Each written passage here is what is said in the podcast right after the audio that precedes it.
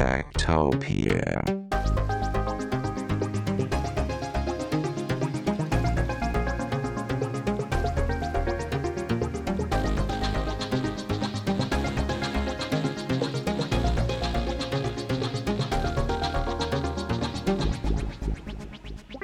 Tektopia er en podcast om mennesker og deres teknologi, udgivet af Ingeniørforeningen IDA i samarbejde med mediehuset Ingeniøren og China Experience, støttet af Innovation Center Danmark, IDA Forsikring og EUT Electronics of Tomorrow. Mit navn er Henrik Føns, og det er mig, der bestemmer i Tektopia. Tektopia.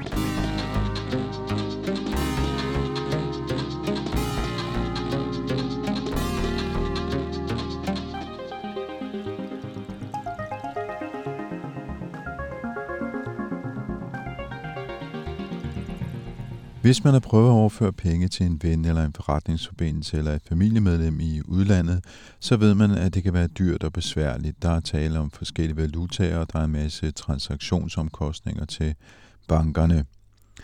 Men det er en af de ting, som blockchain-teknologien egentlig havde lovet at rette op på. At det skulle være nemt og billigt at overføre værdier til andre mennesker uden for landets grænser, enten i form af bitcoin eller en anden kryptovaluta. De mest kendte systemer er som sagt Bitcoin og den blockchain, der hedder Ethereum. Men de leverer faktisk ikke rigtig varen, fordi det, der er sket, det er, at der er opstået flaskehalse og propper i systemet, så det faktisk er gået hen og blevet relativt dyrt at bruge, og transaktionerne kan tage rigtig lang tid om at øh, komme igennem. Så hvad skal man så gøre? Er det så exit med blockchain og kryptovalutaer? Er det kun noget, som ekscentriske milliardærer som Elon Musk beskæftiger sig med? Eller er der en vej ud af den her ballade? Ofte kan man kigge på startups for at finde ud af, hvad der foregår inden for et bestemt teknologisk felt, og for at finde dem, der måske kommer op med en ny løsning på et problem. Problemet med høje transaktionsomkostninger på blockchains, ja, det er faktisk lige nok det problem, som en mand i en kælder i det nordlige København han prøver at løse. Som det er med startup, så ved man aldrig, om øh, det her det kommer til at lykkes for øh, personerne bag startuppen, men det er altid interessant at høre deres øh, tanker og høre dem forklare, hvordan de egentlig har tænkt sig at løse et givet problem. Så på en varm sommer eftermiddag, der tog jeg ud til en kælder i det nordlige København, for at finde ud af, om blockchains kan blive lige så nemme at bruge, som mobile pay er det i dag.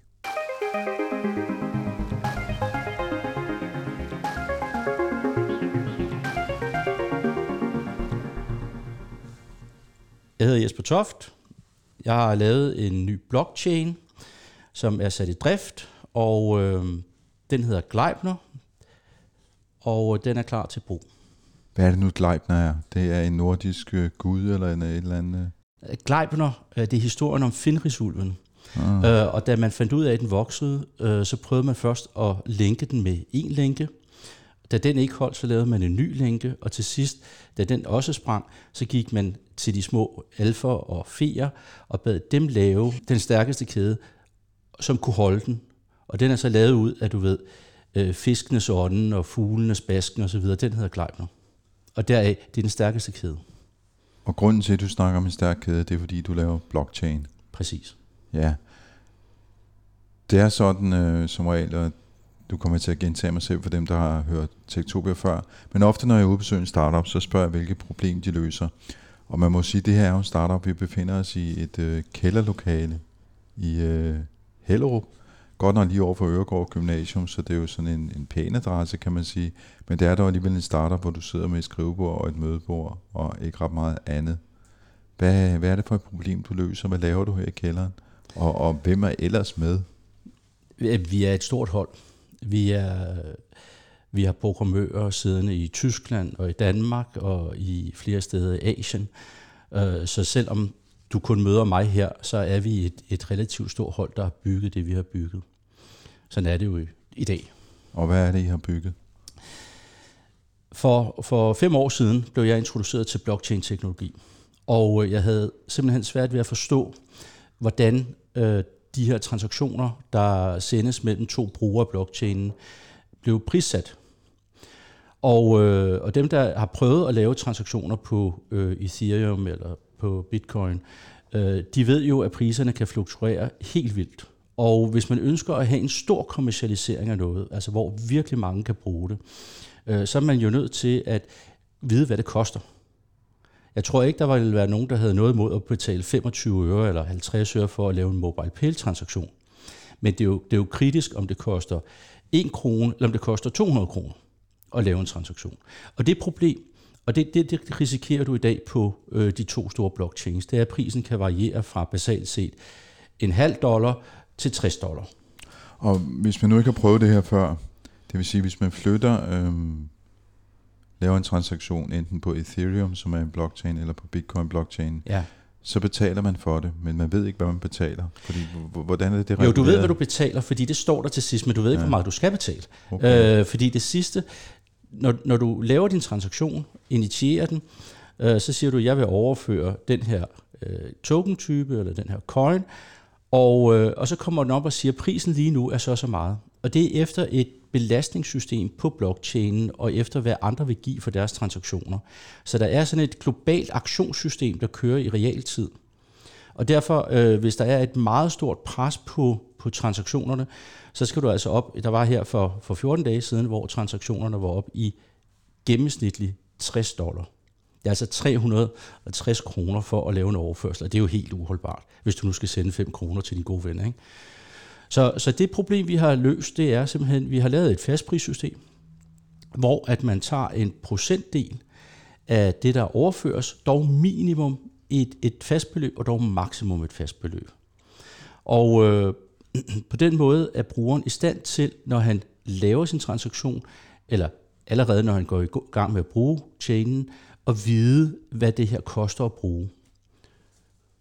Derudover så er der en anden vigtig ting, det er, at på Ethereum-blockchainen, der betaler man den her transaktionsomkostning i det, der hedder Ether. Og så skal du derudover have din egen token. Så du skal egentlig have to balancer. Prøv at forestille dig, hvis du skal overføre... En ether, det er en token eller en mønt. Ja, præcis. Og prøv at forestille dig, at hvis, hvis du skulle overføre nogle euro, at du så også skulle have en balance, for eksempel i britiske pund. Det giver ikke rigtig mening. Øh, Så vores system giver mulighed for, at, eller, eller fungerer på den måde, at du charger i den token, du overfører.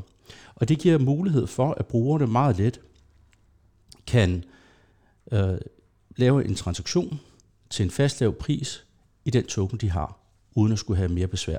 Så vi er meget brugerorienterede i forhold til at kunne få en større udbredelse blandt flere mennesker.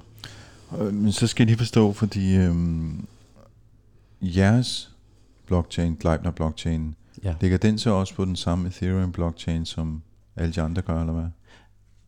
Ethereum er en selvstændig blockchain, Hmm. og, øh, øh, men Ethereum er open source. Og det vil sige, at alle, der har lyst til at, at arbejde videre og tage en kopi af koden basalt set, kan gøre det. Så kan du etablere din egen blockchain ved siden af. Øh, det har vi så gjort med nogle øh, forbedringer øh, ovenpå, hvor at, at vi så også muliggør en hurtigere øh, transaktionsgennemførsel. Så, så vi har sådan set en kopi af Ethereum med fuldstændig samme kapacitet, der står på en lang række datacentre fordelt både i Europa og Asien. Og øh, øh, ja, så det er, en, det er en parallel, vi kalder det en, en, en, en Ethereum supportive. Fordi det, der sker, når du tager en, en øh, når du går ud fra Ethereums øh, kode, så får du det samme adressesystem mm. på din blockchain, og det er så en anden vigtig feature, vi kan, vi kan tale nærmere om. Men hvad skal man så bruge den til? Hvem, hvem, hvem, hvem, kommer til at bruge det her? Hvem bruger det i dag? Jeg tror, du skal se på det øh, på den måde, som da man begyndte at bruge e-mails. At øh, prøv at forestille dig, at det havde, når du skulle sende en e-mail, så skulle du betale for det. Og, og det, du skulle betale for det, en eller anden form for digital øh, omkostning, øh, det skulle du købe for nogle forskellige øh, for, for penge, og den pris var meget varierende. Og det ville selvfølgelig have været en meget stor hindring for det, øh, for udbredelsen af det. Hvis du nu forestiller dig, at det kostede en øre at sende en e-mail, øh, så vil adoptionen gå meget hurtigere. Øh, og basalt set, så er, er, er det, altså, jeg tror grundlæggende på, at blockchain-teknologi kommer til at få en kæmpe indflydelse på, på, på, på alle transaktioner, der kommer til at ske fremover, både om 5 og 10 og 20 år. Øh, og, og jeg blev spurgt i dag, jamen, hvad, hvad er der, kan du sætte ord på det? Så siger jeg, jamen, det som internettet har gjort for global informationsintegration, kommer blockchain til at gøre for global transaktionsintegration. Så vi bliver simpelthen i stand til at lave transaktioner med hinanden på en helt anden måde i forhold til, hvad vi har gjort før. Og måske er der nogen, der synes, at det her begreb transaktion er lidt øh, abstrakt. Ja. Så det, der handler om, det er... Det er udveksle, det er udveksle øh, en form for værdiopfattelse mellem hinanden. Så lad os prøve at forestille os, at, at øh, det, altså en blockchain, funktionen af en blockchain kan jo beskrives øh, ret enkelt med to øh, billeder. Det ene er, at det er en, en øh, digital notarius publicus. Øh, det eneste, den gør, det er, at den ser, at du godt må gøre det, du er i gang med, altså skulle skrive under foran ham for eksempel. Han øh, får det så til at ske, altså transaktionen, og så bagefter så holder han en, en record over, at det skete. Så, så de tre funktioner i blockchain er, at den accepterer, at det må ske, den får det til at ske, og den holder en record over det. Den anden kritiske funktion, det er, at der kan ikke være dobbeltspending. Og det er derfor, at det er ideelt til alt, der har for eksempel med værdiopfattelse at gøre. Så hvis du har 10 enheder, og du så ønsker at sende øh, en enhed til mig, øh, det gør du så, så har du ni enheder, og jeg har en enhed. Du kan ikke sådan ligesom med et traditionelt datafil, et Word-dokument, kopiere den igen og igen og igen og igen. Og det er de to funktioner, altså du har, du kan ikke gøre noget, du ikke må, og der er altid en record på det, og du kan ikke bruge øh, enhederne to gange. Det er, det er grundlæggende funktionen i en blockchain. Så er der også noget med, at det skal verificeres, at den her øh, transaktion er foregået. Ja, det er korrekt. Og det er den record, du snakker om, altså en øh, regnskabsbog nærmest, ikke? Ja, altså øh, det kommer an på, om vi taler om den her øh, øh, verification algorithm, der, som, som siger, at den her transaktion er okay, den må godt ryge igennem systemet. Og der arbejder man jo på, på de, øh, de første øh, blockchains, altså bitcoins og på Ethereum, der arbejder med noget, der hedder proof of work.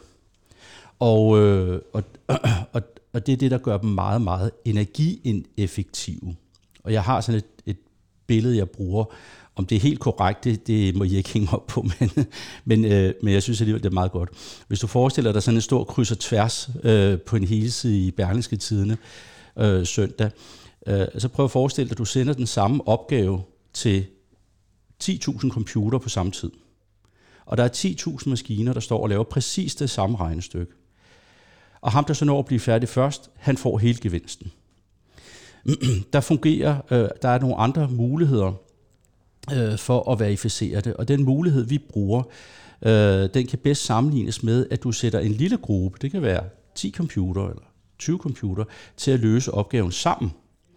Og når de så har løst den, hvilket de selvfølgelig gør hurtigere, fordi før var der kun én om at løse hver opgave, nu er der så en lidt større gruppe, så sender de øh, den færdige opgave til de 9.990 andre og øh, beder dem om at bekræfte det. Så du får samme verifikation kvalitet, men du får den på en anden måde.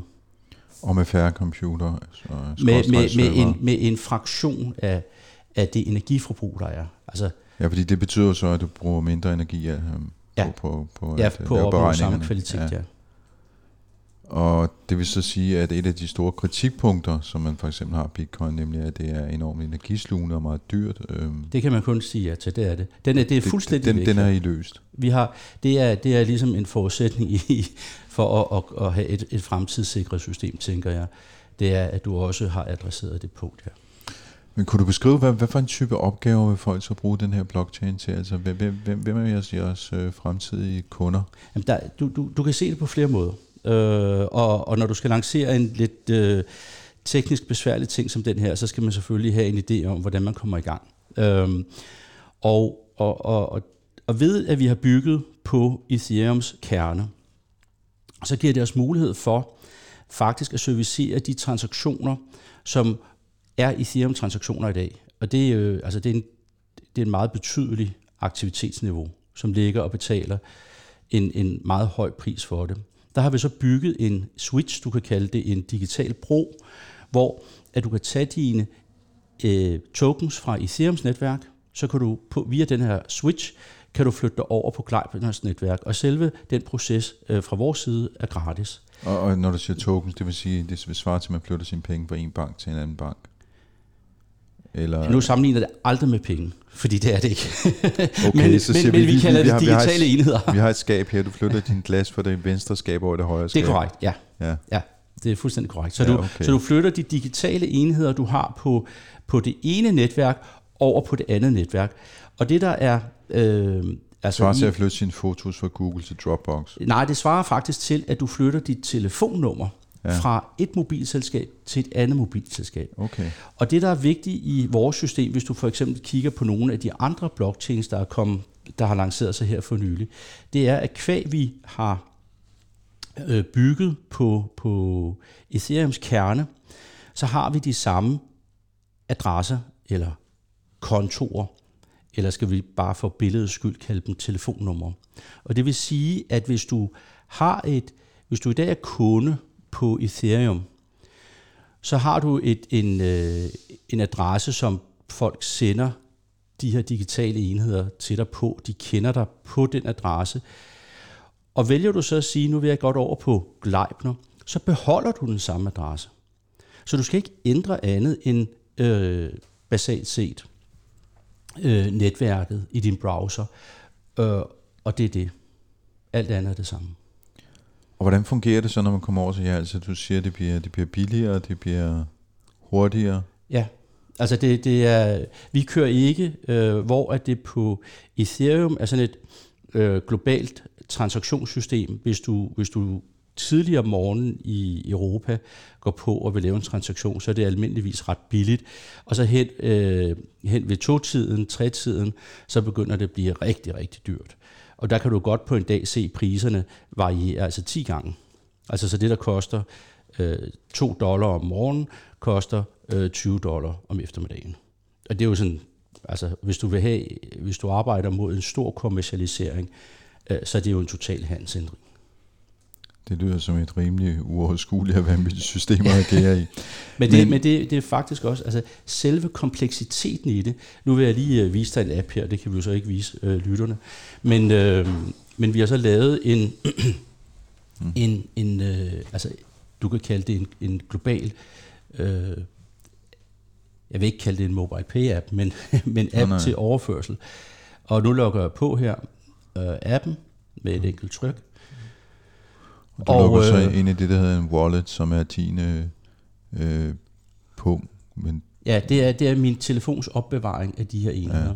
Det man skal, når man skal prøve at forstå til de her lytterne, der måske ikke lige ved teknikken mm. i, en, i en blockchain, så kan man forestille sig blockchain som et meget stort jordstykke, der er delt op i, i små lodder.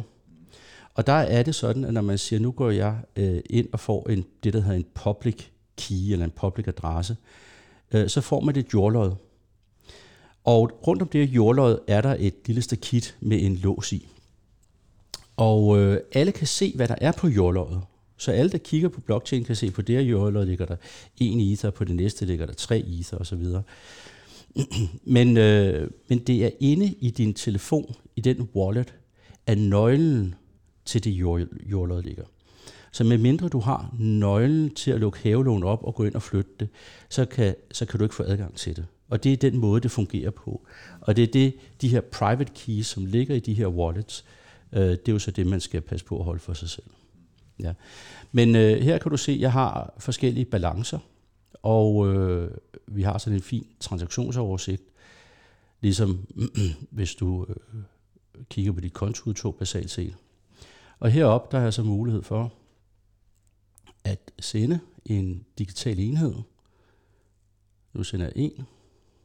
Jeg vælger en af dem, der ligger i adressekartoteket. Jeg trykker fremad.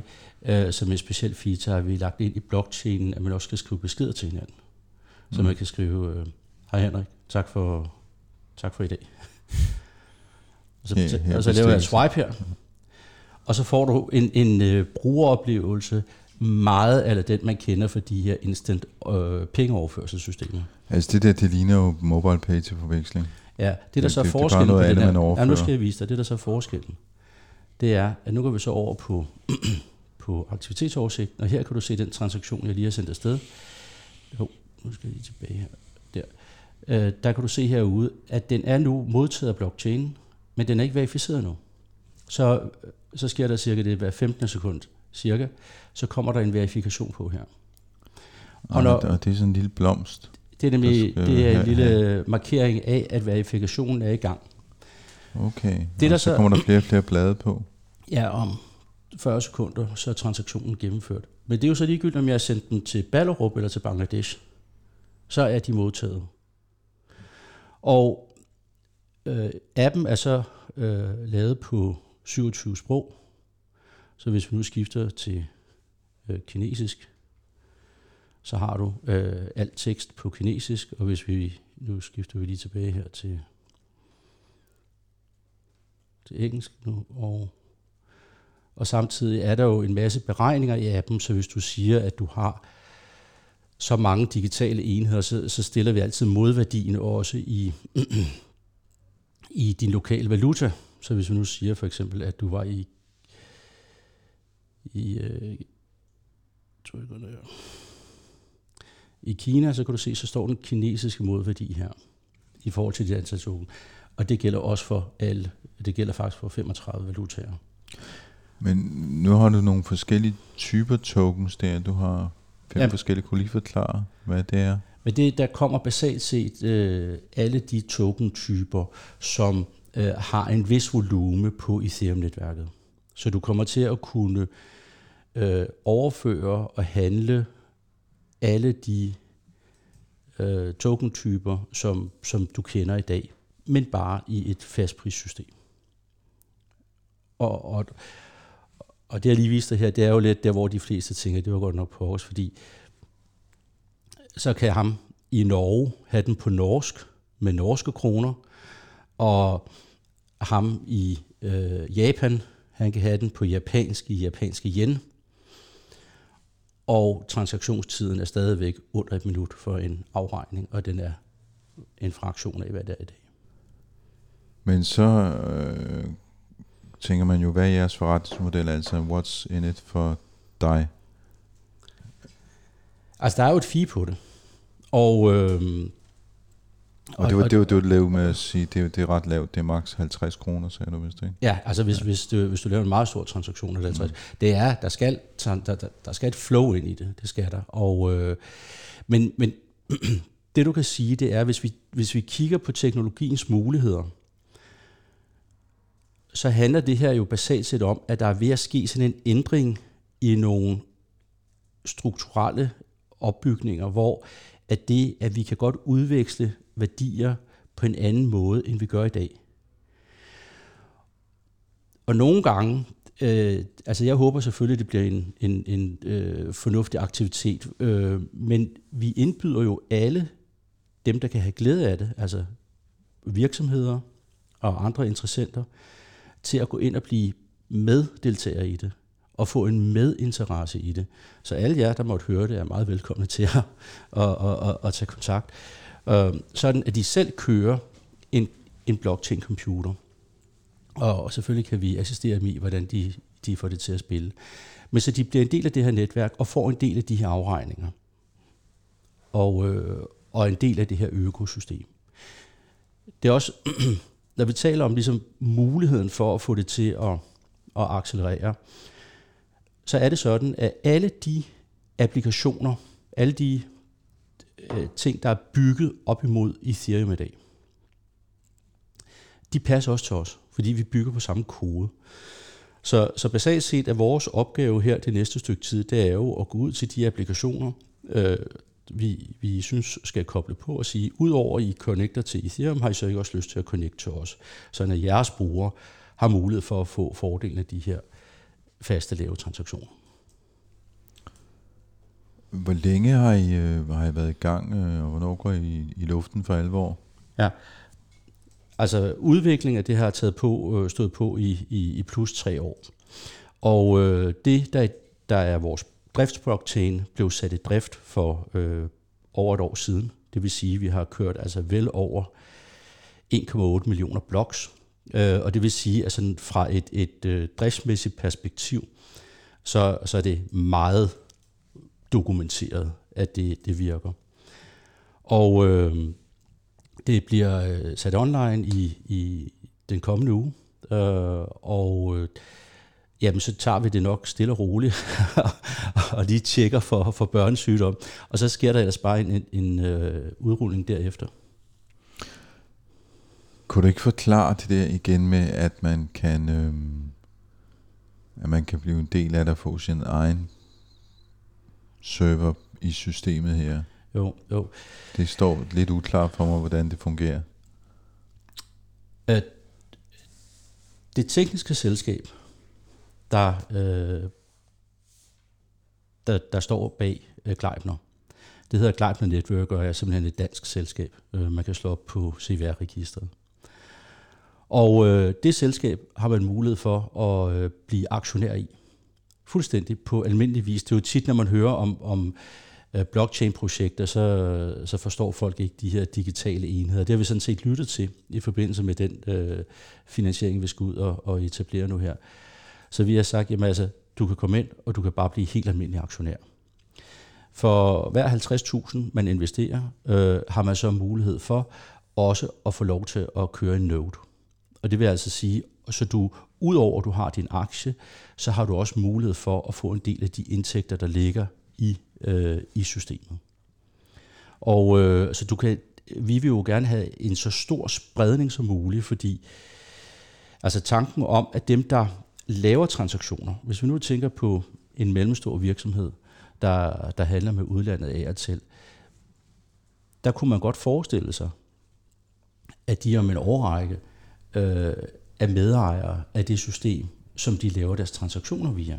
Og jeg vil ikke, øh, at du sagde på et tidspunkt, det var nærmest lidt øh, korbagtigt. altså, ja, lidt, lidt andelsagtigt. Ja, lidt andelsagtigt. Øh, det er måske ikke helt forkert.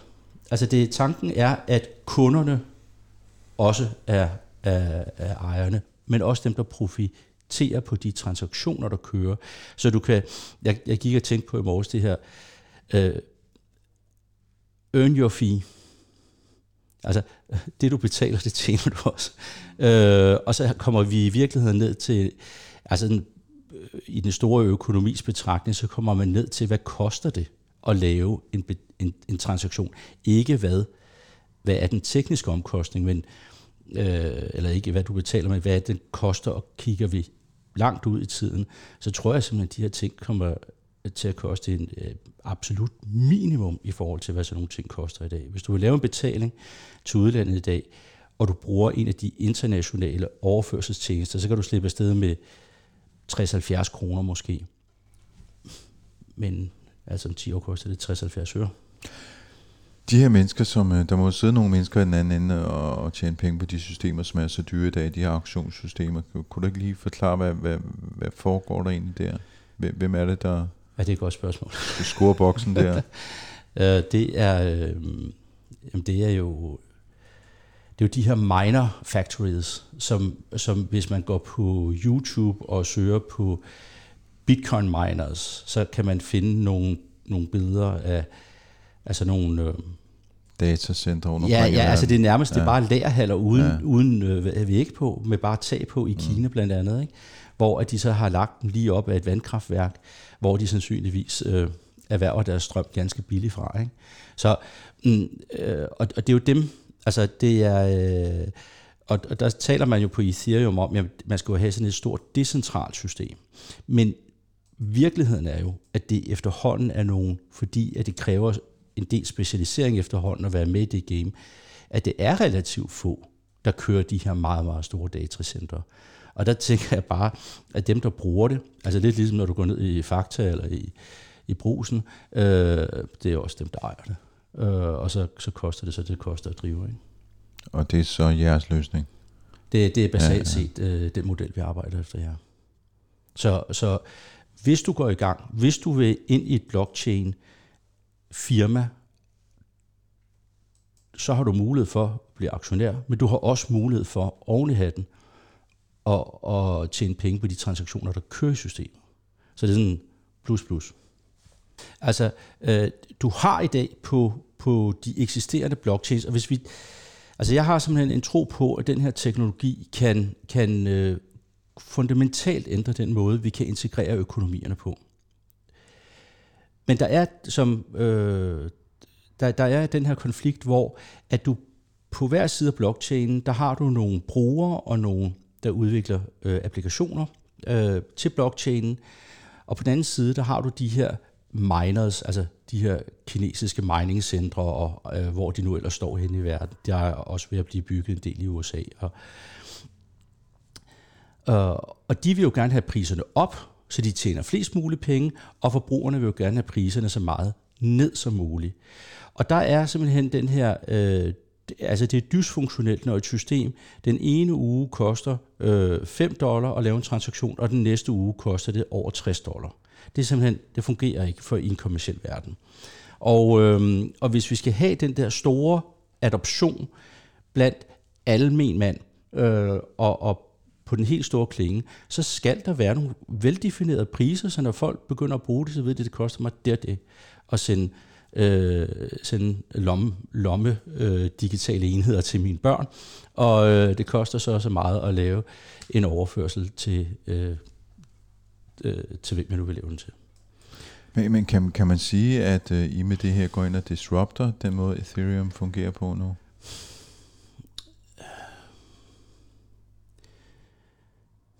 Altså, øh, øh, du taler om et kæmpestort marked, altså som et kæmpestort marked, og, og, og, og det marked, det, delmarked, vi går efter, det er ikke øh, sådan øh, super stort i det der, for der foregår en masse andre aktiviteter. Øh, men du kan sige, at øh, vi prøver at flytte det videre. Vi prøver at, at tage det, der er i dag, og bygge, lave nogle ændringer, sådan at det bliver mere brugervenligt. Så det, jeg opfatter ikke, at vi, vi har en disruption, det er sådan måske lidt negativt lavet i forhold til det, der er, men vi tager det et skridt videre, fordi det andet vil jo eksistere fint ved siden af. Men, men dem, der ikke forstår, at de skal betale 750 givi, som de ikke aner, hvilken værdi har, for at lave en transaktion om onsdagen, og den næste dag bliver de bedt om uh, kun at betale 50. Uh, øhm, øh, den barriere bryder vi ned. Den barriere at gøre det svært, bryder vi ned. Den barriere, at, at du kan risikere, at din transaktion tager et kvarter, bryder vi ned, fordi i vores system bliver alle ekspederet i rækkefølge. Så, så, så vi prøver at bryde nogle brugeroplevelsesbarriere ned, som gør det lettere at adoptere, og som jeg mener øh, altså skaber value for brugerne. Faste priser, hurtige transaktioner, samme telefon. Hvordan bliver et, øh, en, en, et sådan et nyt tilbud, sådan et nyt firma som det her, hvordan bliver I kendt i, øh, i blockchain-kredse, så folk begynder at bruge jer? Altså, hvordan gør man det? Ja, det, det er fordi, vi, skal, vi, vi, vi grundlæggende skal, øh, skal i, i gang med det proces. Der er jo nogen, der går ud, altså vi er sådan lidt, vi er måske lidt gamle i forhold til mange af, af de unge, der har, har lavet initiativer, ikke? På, men altså vi har sagt, at vi gør det færdigt, og når vi har gjort det færdigt, så øh, så sender vi det ud. Øh, hvor at der er mange, der siger, vi har tænkt os at bygge. Så siger vi, vi har bygget. Vi har, det, det er ikke et eller andet, vi har tænkt os, at, at der skal være en app. Vi har en app. Vi har ikke tænkt os, at der skal være øh, alle de her funktioner. De er der. Så, så det er sådan en grundlæggende tilgang til tingene, der jeg vil bare gerne have, det virker før. At Men henvender jeg så til folk, som i dag bruger Ethereum i forvejen, eller henvender I jer til nogle helt nye danske virksomheder? Ja, eller det, er, det, er jo, det, er jo både, det, er jo, det er jo fordi, det du, det du taler om, det er jo i virkeligheden, øh, lad os prøve at tænke tilbage til adoptionen af brugen af e-mails. Og øh, de første, der tog e-mail, jeg kan huske den første e-mail, jeg fik, altså, det var lidt underligt.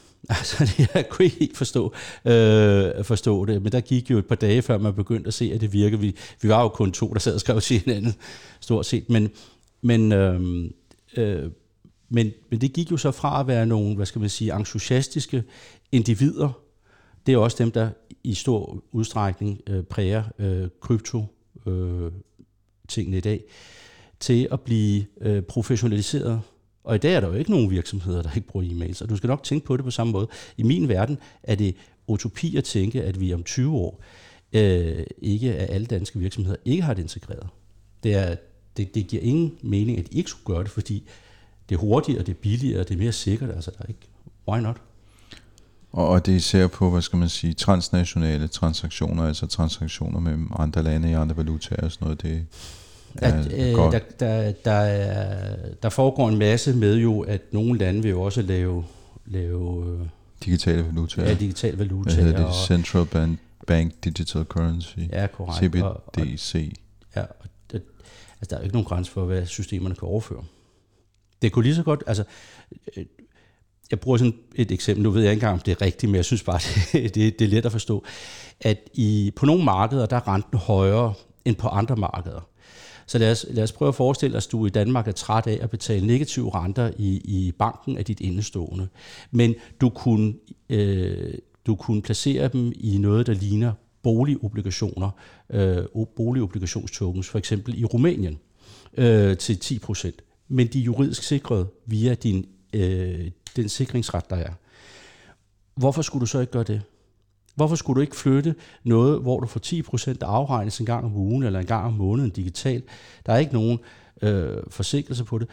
Hvorfor skulle du ikke gøre det? Og de modeller, de her, de her økonomiske integrationselementer, der er det sådan, at jeg, de fleste kan nok ikke forestille sig endnu, hvilket potentiale der ligger i det, fordi basalt set alt, hvor at folk har en økonomisk ulempe, kan opvejes af, at de kunne have en økonomisk fordel et andet sted. Og det man i virkeligheden åbner op for, det er bare at få adgang til det her. Der er allerede en række projekter i gang i Europa, hvor at du kan købe en, en ejendomstoken. Altså så du, du i en token har en ejendom, en, eller en delejerskab af en ejendom, som har en eller anden form for forretning, som du så simpelthen får leveret på din telefon en gang om måneden. Og alle de her økonomiske øh, sammenblandinger og sammensmeltninger, de kommer bare til at se, altså det, det bliver en strålende fremtid for dem. Og det kan godt være, at vi bevæger os ud på sidespor nu, men det er simpelthen for at forstå det. Det er det, man kalder for at tokenize forskellige ting. Så ja. det kan være et skøde på en ejendom. Ja. Det kan være det, man kalder for en NFT, et digitalt kunstværk. Ja. Eller det kan være, det kan være, hvad som helst. det kan være en aktie.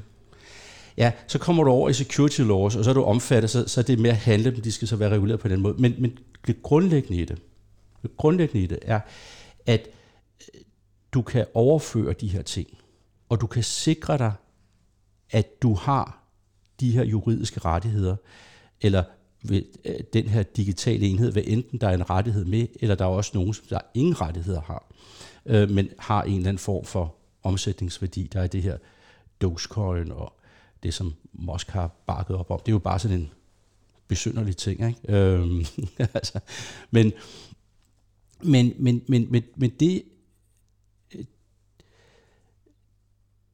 det, de, de tilbud, du får i dag, de er jo bestemt af det system, der er i dag, som er øh, din bank. De tilbud, du vil få fremover, vil blive bestemt af de udbud, der kommer. Og så vil der sandsynligvis komme en masse systemer, der fortæller dig, hvad du kan få rundt omkring, og, og gøre det let at sammenligne. Prøv at forestille dig, hvis vi for 25 år siden havde siddet og haft en tilsvarende podcast, ikke? og så, så havde man sagt, kan du prøve at forestille dig sådan en webside hvor, med alle verdens hoteller.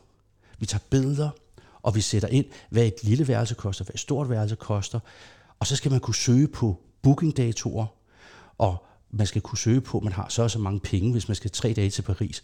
Og vupti, så kommer dem frem, du har mulighed for at vælge men Og ved du hvad så? Så kan du klikke og sige, bestil. Så har du tænkt, at manden er skør. Men du skal nok se det på samme måde det er, at det blockchain-teknologi åbner op for, det er at lave transaktioner mellem alle folk, der har lyst til det, som har en eller anden form for, øh, altså det her med, at du har lov til at lave den, det bliver verificeret, den bliver lavet, og der bliver holdt en record over det, og du kan ikke lave dobbeltspending. Og med de funktioner, så har du egentlig grundlaget for at bygge et hav ting. Ja, det sagde altså Jesper Toft, der har lavet blockchain Gleibner. Jeg linker til den fra tektopia.dk, Og i samme åndedrag skal jeg måske sige, at øh, det er ikke for at øh, gøre reklame for den, men for at du selv kan finde ud af, hvad nu det her er for noget. Om ikke andet kan man blive klogere på blockchains og hvordan de virker.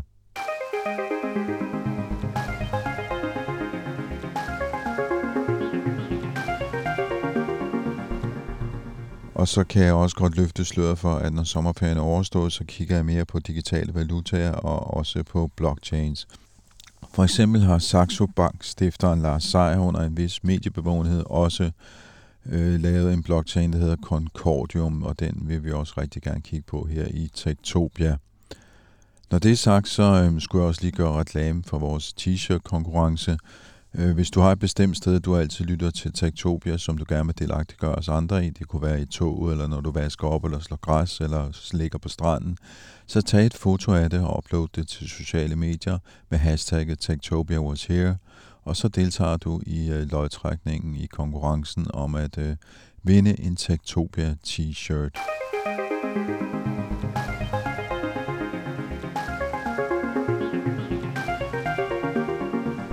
Inden vi slutter i den her uge, skal vi også lige have et podkort fra Ingeniørens podcast Transformator. Knap har vi fået vedtaget Lynetteholmen, den store kunstige ø, der over de næste 50 år skal anlægges ud for indsejlingen til Københavns Havn, så skal vi have fat i flere kunstige øer omkring hovedstaden. Vi har ganske vist hørt om det før, men mest i skåltaler og som kulørte skønmalerier i fine plancher. Vi taler om Holmene, ni øer, som Hvidovre Kommune vil bygge ud fra Hvidovre Holme, lige syd for København. Er man kommet i bil sydfra, så kan man spotte området ved det store Avedøreværk, der stikker op som to gigantiske firkantede klodser med to skorstene. Der er nu gået to og et halvt år siden Hvidovre Kommune med opbakning fra regeringen præsenterede det, de kaldte et af Nordeuropas største, grønneste og mest innovative erhvervsområder. Den fik ikke for lidt. Men siden har der så været ret stille omkring holmene – nu er der imidlertid kommet melding fra regeringen om, at den er klar til at stemme om en projekteringslov allerede næste år. Og så begynder det altså at gå stærkt. Og belært af Lynetteholmen, så kan det godt betale sig at hænge fast. Så vi starter her nu. Lyt med i Transformator i den her uge, når vi fortæller, hvordan de nye øer allerede inden projektstart har fået dispensation fra et af hovedstadens vigtigste planlægningsprincipper. Ja, du har lyttet til øh, Tektopia. Vi udkommer hver mandag. Du kan finde øh, tidligere udsendelser på øh, tektopia.dk. Du kan skrive til mig med ris og ros på henriksnabelag.tektopia.dk. Du kan deltage i teknologidiskussionen i vores Facebook-gruppe, den hedder Tektopia Backstage. Så kan du følge os på Instagram og på Twitter, der hedder vi snabelag.tektopia.dk. Og så er der vist ikke mere at tilføje i denne omgang, udover at i redaktionen finder vi også Sabrina Andersen og Veronika Volin, og mit navn er Henrik Føns. På genhør i næste uge.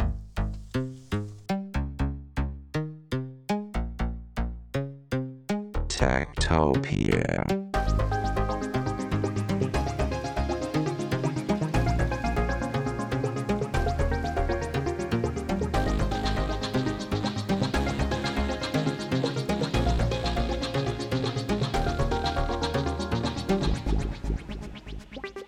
Tektopia er en podcast om mennesker og deres teknologi, udgivet af Ingeniørforeningen IDA i samarbejde med mediehuset Ingeniøren og China Experience, støttet af Innovation Center Danmark, IDA Forsikring og EUT Electronics of Tomorrow. Mit navn er Henrik Føns, og det er mig, der bestemmer i Tektopia. Tektopia.